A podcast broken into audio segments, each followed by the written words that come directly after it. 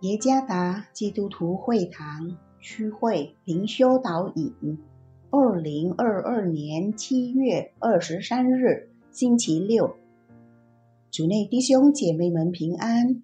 今天的灵修导引，我们要借着圣经《路加福音》第十章三十八到四十二节来思想今天的主题：不可少的一件。作者古发起牧师，《路加福音》第十章三十八到四十二节。他们走路的时候，耶稣进了一个村庄，有一个女人名叫马大，接他到自己家里。他有一个妹子名叫玛利亚，在耶稣脚前坐着听他的道。马大伺候的事多，心里忙乱，就近前来说：“主啊，我的妹子留下我一个人伺候，你不在意吗？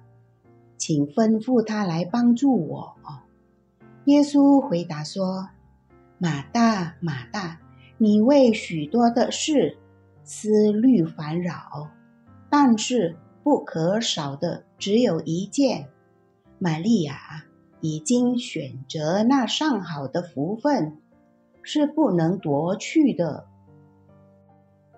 在一个委员会中，指定了几个人负责膳食部，这几个人拒绝了，并提议担任另外一个部门。对他们来说，膳食部的服饰不够属灵。他们想要如玛利亚，而不想要如马大一样。玛利亚和马大的故事，使一些基督徒对与物质有关的事工产生反感。他们认为这段经文不符合圣经，且不会让人在信心中成长。主耶稣来到马大和玛利亚的家。是一个特别的拜访，不仅仅因为他们与耶稣的亲密关系，而是很荣幸能蒙夫子和主的来访。他们俩以不同的方式回应耶稣的到来。马大想透过忙于做家务来取悦主耶稣，而玛利亚。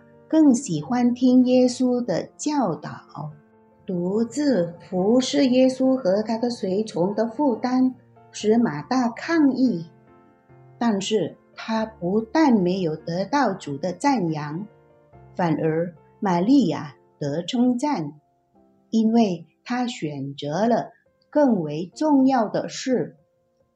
我们不可以怀疑玛利亚是一个懒惰的女人。同时，我们也不可以认为与物质有关的事工不重要。玛利亚肯定是一个勤奋做家务的女人，但这并不比静静的坐着聆听伟大的夫子耶稣的教导更为重要。这是作为上帝仆人的秘密。当他们的生命。依附于上帝和他的教导时，他们就能够执行他们的服侍工作。当他们在与上帝的关系的根基上建立他们的事工时，他们将得能力、热情而忠心的服侍。当他们对服侍的呼召，建立在上帝的教导和真理之上时，他们就不会轻易抱怨、发怒，并离开服侍的工作。问题是，我们服侍的工作建立在哪一个根基上呢？亲近神是服侍他事工之人的坚固根基。主耶稣赐福。